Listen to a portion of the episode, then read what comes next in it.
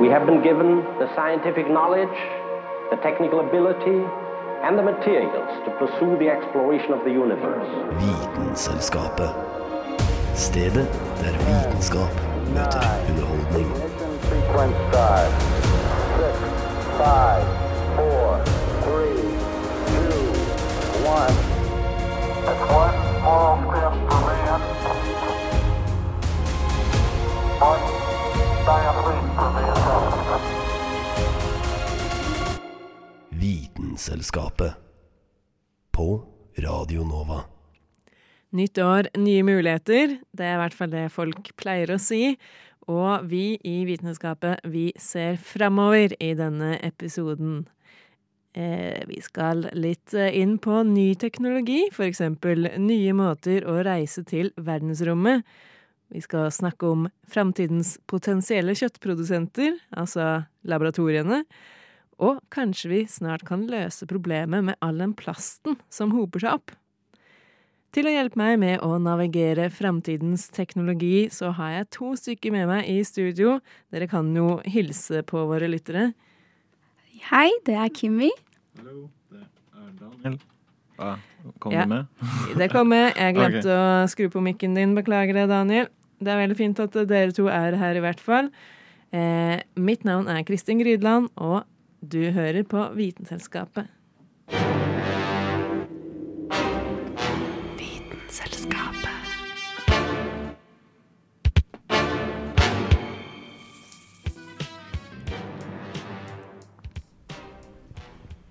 Det er jo veldig mye ny teknologi eh, som kommer, eller som har kommet og, eh, og er på vei.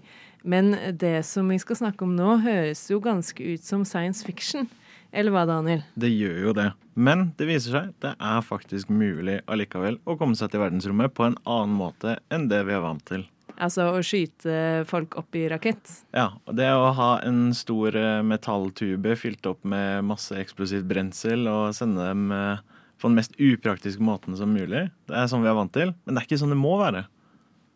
OK? Ja. Så det jeg skal ta, snakke om nå, er ganske spennende type teknologi. Det er et konsept som eh, heter Skyhook. Og det er altså Grunnen til at det har blitt en greie, det høres veldig tøft ut, høres veldig vanskelig ut, men det er mulig.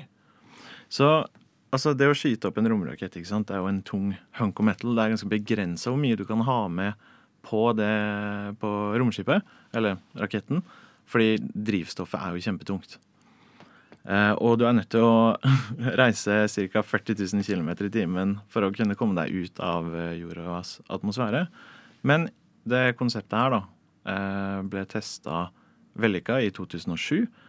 Um, og egentlig bare for å prøve å visualisere hva dette her er, da. Så kan du se for deg litt som en, en ball, en litt sånn satellittball. Hvor på den ene siden så har du en stang og en motvekt. Eh, og på den andre siden så har du en lang, lang, lang kabel som eh, strekker seg ned mot, eh, mot jorda, da. Så en slags sånn kule i kjetting Mm. Ja. som flyr rundt ute i verdensrommet rundt kloden. Ja, nettopp. Så eh, Altså, romskip, da, vi bare kaller det det, vil da kunne hekte seg på den kabelen og rett og slett bare bli slengt ut av jordas, ba jordas bane, da.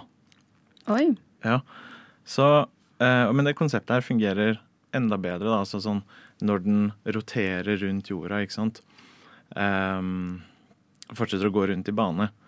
Og det som er greia da, er jo det at når du har en sånn lang krok eh, som strekker seg ned, og den roterer rundt jorda, det er ikke så veldig lett å hekte seg på den. Nei, for det var akkurat det jeg tenkte å spørre om. Eh, hvordan er det du eh, kommer på? Ja. Det er ikke som et rullebånd hvor du bare kan eh, ta et skritt. Nei, ikke sant? Fordi den kabelen eh, kan være maks 80 km, altså fra altså, eh, Hva er det heter da? Met, nei, kilometer over havet. Maks 80. For det er nærmere enn det, så blir eh, rett og slett altså for mye friksjon mot lufta, og den vil brenne opp eller smelte eller. Hva enn. Ja, for det er ikke snakk om en kjetting som er så lang at den treffer jordas overflate. Sånn Nei. at uh, plutselig en dag så kommer det bare en svær kjetting. Uh, du går stille og rolig på gata, og så kommer det en kjetting tvers gjennom uh, nærmeste bygg. Du kommer ikke til å sitte på fly på vei mot Krakow og du støter på en kjetting, der. For sånn vanlige fly er ca. 15 km over havet. Mens den her er rundt lavest 80. Okay. Så beveger den seg i 12 000 km i timen eh, istedenfor 40, som du er nødt med vanlige raketter. Og du har mellom 60 og 90 sekunder på deg til å kunne hekte deg på den der. For det høres jo ut som en veldig sånn presisjons... Uh, Yes. uh, mye beregninger og mye matte som må til her. Ekstremt viktig. Derfor eh, Vi har jo prata litt om det selv, men derfor burde man ikke bruke det imperiske målesystemet på det. Det er litt vanskelig å måle eh, skal jeg si, 12 000 km i timen med fot og Jerns. Eh, men det høres jo veldig speisa ut, da. Hva er sjansen for at vi får det her med det første? Med det første, ikke veldig, men det har blitt gjort en test, og det legger rett og slett eh, veien for at man kan ha infrastruktur til verdensrommet. Litt sånn som eh, hvis du putter T-banen ut i universet. Yes, men da får vi se hva framtiden bringer. Kanskje vi får ta en tur til verdensrommet alle sammen en eller annen gang i tida. en Å dag. vite vet Vitenselskapet.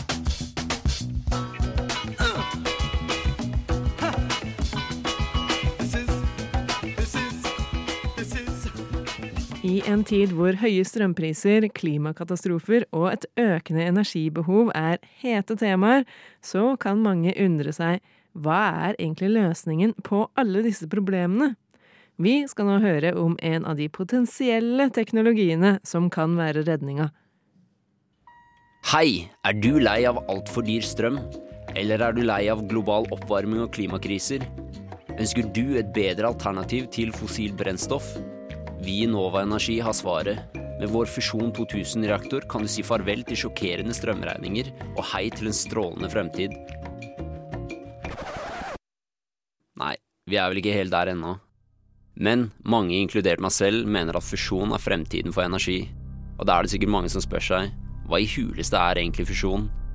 For å forklare dette er det vel best å først gå gjennom forskjellen mellom fisjon og fusjon. Fisjonsreaksjoner er det dagens kjernekraftverk får sin energi fra. Fisjon er i korte ord splitting av store atomer til mellomstore atomer. Nøytroner i ekstrem fart treffer disse ustabile uran- eller plutoniumsatomene og splitter de i to, og i prosessen sendes det ut nye nøytroner som igjen splitter nye atomer. Og for ikke lage en atombombe ut av det her, så har vi noe som kalles for kontrollstaver som kan heves og senkes for å holde reaksjonen under kontroll. Disse stavene er laget av enten bor eller kadmium, og fungerer ved at de absorberer nøytronene og kan sammenlignes med bremsene på bilen din. Denne splittingen av atomer skaper masse energi i form av varme, som gjør vann om til damp. Denne dampen blir så ført under trykk til en turbin som ved hjelp av dampen spinner rundt og genererer strøm. Kjernekraftverk er, tro det eller ei, en veldig grønn form for å skape energi. Så sant man ser bort ifra det utrolig farlige radioaktive avfallet med en halveringstid på 4,5 milliarder år, da. Land som Finland eksempel har et stort nettverk av tunneler langt under bakken, hvor avfallet fra deres kjernekraftverk blir transportert, sementert igjen og lagret. Men det er ingen langsiktig god løsning, og vi har vel alle lært om Tsjernobyl og hva som skjedde der. Så all in all, grønt, men veldig risikabelt. Som så bringer oss videre til fusjon. Fusjon er på mange måter det motsatte av fisjon, og skjer ved at små atomer blir smeltet sammen til litt større atomer. Det er også denne typen reaksjon du finner i alle universets stjerner. Fusjon har et helt vanvittig energipotensial, og bare ett gram med ditirium- og tritiumblanding kan produsere 90 000 kW i timen. Stoffene brukt i en fusjonsreaksjon er heller ikke å anses for å være veldig farlige, og skulle uhellet skje og reaktoren sprekker, så stopper bare reaksjonen. Ikke noe bom, ikke noe krasj, ikke noe kaos. Så hvorfor lager vi ikke bare energi ut av fusjon? Vel, vårt største problem har hele veien vært at det krever enormt mye energi for å smelte sammen atomer. Og i årevis har vi lagt mer energi inn enn vi har fått ut av reaksjonen. Men forskere i USA har nå klart å fått et 50% overskudd i en kort tid. Og selv om det kanskje ikke høres så imponerende ut, så er det grunn ganske banebrytende for den videre utviklingen av denne teknologien. Og noe må skje. Polarisen smelter, dyrearter dør ut, og vi ser verre og verre klimakriser og naturkatastrofer. Fusjon har alltid vært 30 år frem i tid, ifølge forskere. Men nå ser det ut til at vi faktisk går imot en endelig realitet i det som for mange fysikere har vært en evig drøm. Og dette strålende innslaget ble presentert av Christopher Ramage.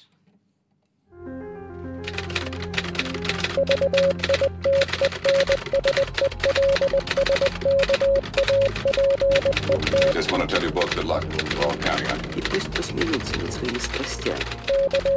Ведь то, что они называют страстью, на самом деле не душевное, Vitenselskapet а лишь трение между душой и внешним миром. knekker vitenskapens koder. Good job. Vi er jo veldig vant med den teknologien som vi på en måte har hatt en stund. Eh, og vi er veldig vant til hvordan verden fungerer på en viss måte. Eh, eksempel at man får kjøtt fra dyr. Men nå kan det hende at det endrer seg, og det her har det vært snakk om eh, før. Men du har lest deg litt opp på det, Kimi. Ja, så tenk at eh, i en tid nå da, hvor vi har økende befolkning og vi har masse klimagassutslipp, eh, og det er mye snakk om dette her, og også ja, som eh, noen har sagt at eh, kuene promper for mye også, eh, så er det liksom interessant tema da, om kunstig kjøtt som dyrkes ut fra laboratorier. Og dette er noe som faktisk finnes akkurat nå og selges i noen steder, som f.eks. Singapore. Som du kan kjøpes liksom Veldig, veldig dyrt, da, men som kan kjøpes til vanlig spising. Og det Wow. her er jo da kjøtt som man gror i en sånn Jeg tenker meg en sånn petriskål hvor det bare vokser fram en biff. Men det er kanskje ikke helt sånn, da? Nei, ikke helt sånn. Um, dette er da Prosessen da er hentet fra forskning på regenerativt medisin. Eh, så Mark Post, som var en professor i London, han em, da drev med og forsket på det å gro igjen em, ulike deler av hjertet. Ja. Eh, og han lagde verdens første burger i laboratoriet. Så fra hjerte til burger, da. Ja. eh, og det de gjør, eh, er å bruke, hente liksom kjøttceller fra en ku eller en kylling. Eh, og det kan være et foster, det kan være et fullutviklet dyr, men de henter noen celler som ikke skader dyret så mye, og det er ikke Du må ikke slakte det heller, ikke sant? Em, og disse cellene da blir plassert i en løsning av salter og proteiner og karbohydrater, og det holdes i en sånn inkubator-type ting, eh, hvor det holder på varmen. Eh, og etter liksom 24 timer så begynner cellene å fordoble seg. Eh, og til slutt så har du liksom en kjøttklump. Men det er ikke sånn steak. Eh, så det vil ikke være med liksom bein, det vil ikke være med eh, fett og slikt. Eh, men Så det er, ingenting av det som gir den gode smaken, da. Nei. det er basically bare en sånn deig med kjøtt, liksom. Så det ender bare opp med en sånn paste? Liksom. Ja, en sånn Ja. paste. Men altså det, hvor, hvor avansert er dette? her? Er det sånn, Kunne man kanskje ha fått det til hjemme? Eh, det tviler jeg på. Eh, fordi eh, dette er jo selvfølgelig noe som må skjes med de riktige eh, type Forutsetningene. Ja, forutsetningene. Um, og så ja, og så trenger liksom, Du kan ikke bare lage den pasten, du må også lage fettet e- på egen eh, en, I en egen greie, fordi den trengs andre næringer enn det kjøttet trenger. Og så må det settes sammen, og så eh, musklene skal da liksom bearbeides, eh, så det blir til ulike kjøttprodukter, da. Mm. Det virker som veldig mye jobb, da, men klarer man å produsere mye av gangen? Eller er det sånn du jobber Altså, du, du har det gående i en måned, og så får du bare nok til å lage én burger, liksom? Tilsvarende en liten sånn wagyu-klatt. Ja. Ja, altså det er jo det som på en måte diskuteres, fordi eh, man tenker jo at dette er kanskje mer bærekraftig enn liksom det å på en måte passe på dyr og så la, gi liksom husdyrmat og hele den prosessen. Men det tar veldig mye energi eh, å lage disse kjøttene, og det eh, Akkurat nå så blir ikke den energi som blir brukt for å lage disse kjøttene, fornybar heller. Så det er liksom på en måte Ja, vi, vi vet ikke helt liksom hvor bra dette egentlig er, og hvor eh, sustainable det egentlig er, da. Ja, men det høres jo ut som det er en liten stund til vi kan på en måte kjøpe det på butikken og lage burger med det selv. Mm. Men kanskje en gang i framtida. Det blir iallfall veldig spennende å smake på det. Hæla i taket med Vitenselskapet.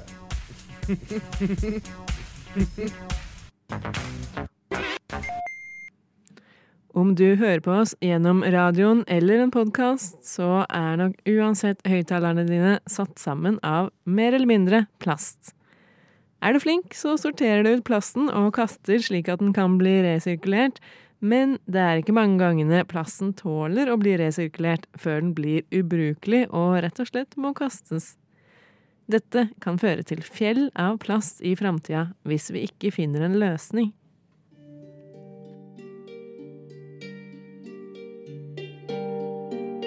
Plast ute, plast inne, plast i hjertet, plast i sinnet. Ja, plast er på godt og vondt rundt oss hele tiden. Fra kortene i lommeboka di til klærne du går med. Så å si alt har nå i hvert fall en liten bit plast i seg. I mediene har du kanskje hørt om det omtalt som den store, stygge ulven som forsøpler både land og vann. For problemet med plasten er at den er så hard og anvendelig at den er umulig å bryte ned. Det fører til at vi i dag kan finne plast i havet som først havnet der på 50-tallet. Noe dyrelivet ikke setter spesielt stor pris på. Heldigvis virker det som vi begynner å nærme oss en løsning på dette problemet. Og det kommer faktisk fra dyrelivet selv.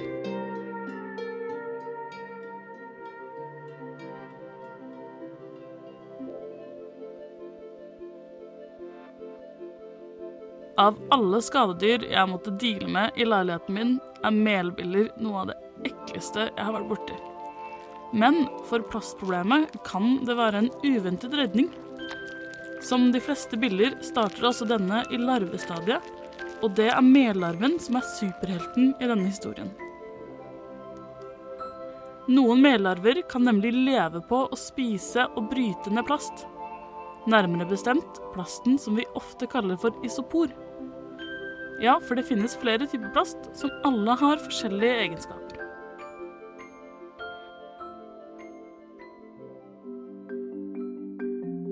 Den egentlige helten bak det hele er ikke engang larvene, men enzymer som finnes i tarmene deres, som er det som gjør at de kan bryte ned plasten. Enzymer er kort fortalt proteiner som fremmer kjemiske prosesser uten at de selv blir brukt opp.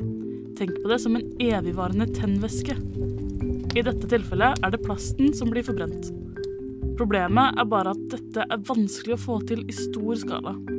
Foreløpig har forskere bare fått det til i mindre eksperimenter, men hvis man faktisk skulle brukt disse larvene til å resirkulere eller forbrenne plast, må man først finne ut av hvordan det kan bli gjort trygt og effektivt. Heldigvis antar forskerne som jobber med dette, at det er noe de kan få til om fem til ti år.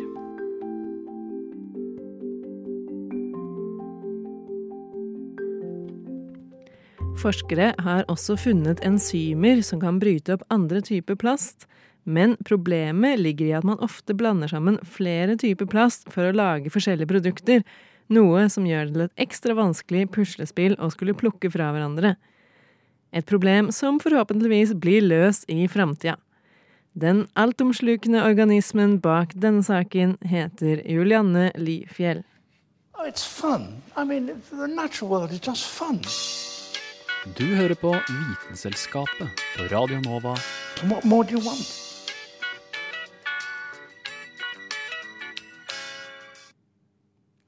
Yes. Eh, nå er det jo sånn at eh, vi snakker jo om framtiden, men vi må snakke litt grann om året som har gått. Fordi at det er eh, litt ting som har skjedd i året som har gått. Og først og fremst på dyrefronten. Det er jo nemlig sånn at vi har hørt masse om eh, dyr som dør ut, og hvor mange dyr som dør ut hver dag og alt mulig sånn. Og det er jo ganske deprimerende saker. Eh, faktisk så veit vi jo egentlig ikke hvor mange arter som dør ut hver dag, for det er ikke alle som vi har oppdaga ennå. Men eh, worst case så sier de at eh, kanskje 273 arter dør ut hver eneste dag. eh, som er ganske mye. Men det er jo også sånn at vi finner nye arter. Eh, og dere kan jo gjette hvor mange nye arter finner man i Norge omtrent La oss si eh, i løpet av et år, da, eller daglig. Bare et, et, et eh, Ja. anslag. Jeg hadde tenkt sånn maks tre i året. hadde Jeg tenkt. Jeg har ikke hørt om noen spennende nye bevere i Norge, liksom. Nei, hva tror du, Kimi? Uh, jeg vet ikke, jeg tenkte sånn tre daglig, siden du starta med daglig. Det blir sånn fint tall. Uh, ja. Nei, men eh, svaret ligger en, eh, et sted midt imellom, selvfølgelig. Uh, det er uh, blir oppdaga nesten en ny- nesten én ny art hver dag i Oh. Norge. Wow. Ja. Siden 2011, da begynte et sånn prosjekt, et artsprosjekt, for å gjøre en skikkelig dugnad da, for å f registrere arter i Norge. Og da ble det avslørt 3750 nye arter. Som er nesten én ny art hver dag. Wow. Men hvor store forskjeller Eller hva, hva er de nye artene? Ja, ikke sant? For det høres jo kjempestort og flott ut. For det første så er det jo nye arter i Norge. Så det er ikke sånn at det nødvendigvis er en ny art som verden aldri har sett før. For det hadde jo vært utrolig mye. Så mange nye arter blir ikke oppdaga. Men det er nye arter som blir oppdaga i Norge. Eh, og man anslår at eh, ca. 25 000 arter i Norge er ikke oppdaga ennå. Så det er mer å hente. Eh, men som du sier, mm, er det noen spennende dyr? Eller er det bare sånn en liten en variant av en veps og en variant av en maur og en sopp og en Det er mye sånn. Jeg tror på at du sikkert ikke hadde funnet noen sånn muterte greier i Oslo sentrum. Det, Ja, det er f.eks. for eksempel eh, 2000 typer veps som er oppdaga siden 2009. 700 nye sopparter. Og mange av eh, de artene som blir oppdaga, er eh, såpass like andre dyr at de, de kan bare kjennes igjen på ved å ta DNA, da. Så eh, de holder på å bygge opp et bibliotek med sånne DNA-strekkoder for å klare å skille de ulike artene. Men uh, ikke veldig spennende, da. Ikke veldig så det er sånn ikke noe vi kan se, liksom? Sånn helt vanlige folk bare Å ja, det der ser annerledes ut. sånn Jo, det kan, det kan være ting som du som en, eh, en vanlig person kan se, men det er veldig sjelden mellom de spennende dyrene, som, eller som vi tenker på som spennende dyr, som gjerne er pattedyr. Men faktisk, i 2020 så ble det oppdaga et dyr som vi aldri før har sett i Norge, og som har kommet hit naturlig. Og det er en gullsjakal. Sjakal, er ikke det Jeg bare tenkte med en gang sånn Er ikke det i Afrika? Ja, eller? ja, ja, same. Ja, denne gullsjakalen, eller den heter gullsjakal, da. Det er, den ser liksom litt ut som en blanding av en ulv og en liksom Eller en litt kraftig rev, da. Man kan sammenligne med det. Vanligvis så holder den til i sånn Sørøst-Europa og Sør-Asia. Eh, men eh, Og Estland er kanskje den nærmeste vi kommer eh, naturlig habitat for dem. Men eh, man har i hvert fall oppdaga to stykker i Norge, da. Oi. Og da er det jo litt sånn hører de til her, eller hører de ikke til her? Og egentlig så gjør de jo ikke det, men de har kommet hit naturlig. Det er ikke sånn at mennesker har tatt dem med seg. De har rett og slett gått hele veien. Eh, så eh, det er jo en spennende ny Kanskje ikke helt norsk art, men kanskje den kan bli det en gang i fremtida. Så vil gullsjakaler løpe rundt i skogen eh, vilt, og kanskje, kanskje vi får noen kvoter på dem og skal skyte dem som ulver også. Det er sånn, ja, det nye liksom, partiprogrammet er sånn Nei, det er altfor mange gullsjakaler! De er ikke herfra! Ja. Nei, men vi får håpe at gullsjakalen får en sjanse, eh, og at alle de nye artene som vi har oppdaga, eh, kanskje også får en sjanse til å overleve og ikke dør ut øyeblikkelig. Håper det. Vitenselskapet. Vitenselskapet på Radio Nova.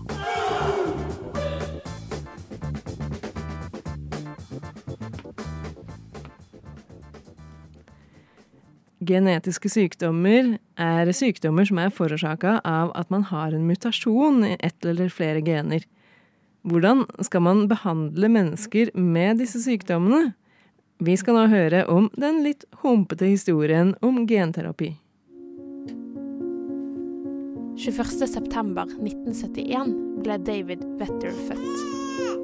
Han ble født med en genfeil som gjorde at han led av en alvorlig immunsviktsykdom, som gjorde at han var sårbar for alle mulige infeksjoner. Pga. dette måtte han leve i en strid plastboble, helt isolert fra omverdenen. Og da fikk han kallenavnet The Bubble Boy.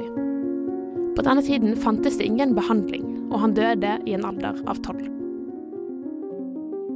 Men i 1990 kom det et medisinsk gjennombrudd for disse barna som ble født med den samme genfeilen. Det ble utviklet en metode for å erstatte det ødelagte genet med en frisk variant. Fire år gamle Ashanti Di Silvia var verdens første pasient som fikk genterapi. Og det ble en suksess. Hun trengte ikke å tilbringe livet sitt i en steril boble, men hun ble frisk nok til å leve et relativt normalt liv. Denne suksessen ga naturligvis mersmak, og det ble flere utprøvinger av genterapi, først og fremst til pasienter som led av den samme immunsviktsykdommen. På slutten av 1990-tallet ble den samme behandlingen gitt til 18 pasienter, og samtlige ble bedre. Men det viste seg at fire av de utviklet blodkreft fordi det nye genet hadde satt seg inn på flere steder i DNA-et, som da aktiverte kreftgener. Senere så døde en 18-åring også av bivirkningene av genterapien han hadde mottatt. Og det satte en stopper av forskningsfeltet. Men hvorfor gikk det galt? Og hvorfor ble noen friske og noen fikk blodkreft? Og hva er egentlig genterapi? Genterapi er en type behandling som retter seg direkte mot DNA-et til pasienten, og retter opp feilen som forårsaker sykdommen. Hele prinsippet er altså å tilføre kroppen en funksjonell kopi av det genet som inneholder feilen. Det er mange sykdommer som skyldes feil i genene. Denne immunsviktsykdommen er kun én av de. De første genterapiene som ble prøvd ut på pasienter, var ikke så nøyaktig som man kanskje hadde håpet på. De baserte seg på at du tok et friskt gen og klippet det inn i et ufarliggjort virus. Et sånt virus, eller en vektor, blir brukt for å få det friske genet transportert inn i cellene. For er det én ting virus er flinke til, så er det nettopp det å trenge seg inn og levere DNA inn i cellene. Det som var problemet med denne typen behandling, er at man ikke kan styre nøyaktig hvor genet havnet. Hos noen ble det nye genet satt inn feil, som forstyrret andre gener, som igjen kunne føre til alvorlige bivirkninger. De siste årene har genterapi blitt langt mer målrettet og har gitt en frisk pust i fagfeltet. I tillegg til dette så har man fått nye metoder og verktøy som gjør det mulig å redigere DNA-et ditt uten å få tilført en frisk kopi som skal da erstatte det som ikke er funksjonelt. Flere land, og også Norge, har nå godkjent ulike former for genterapier på alvorlige genetiske sykdommer. De fleste er for blodsykdommer og også immunsviktsykdommer. Blant annet den sykdommen The Bubble Boy led av.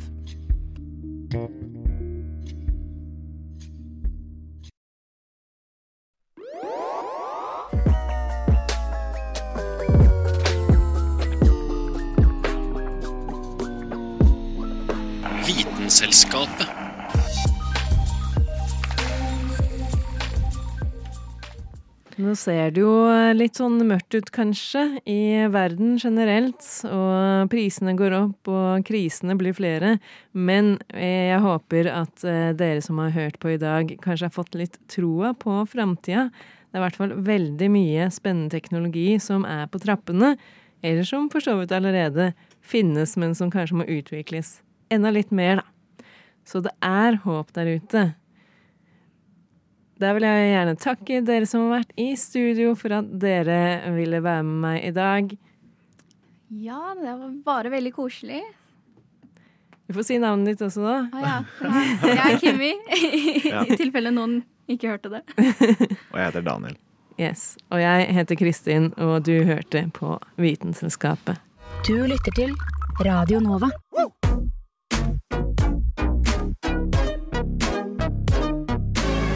Radio Nova. Studentradioen i Oslo. Radio Nova. Ja. ja. Hva? Nova? Ja.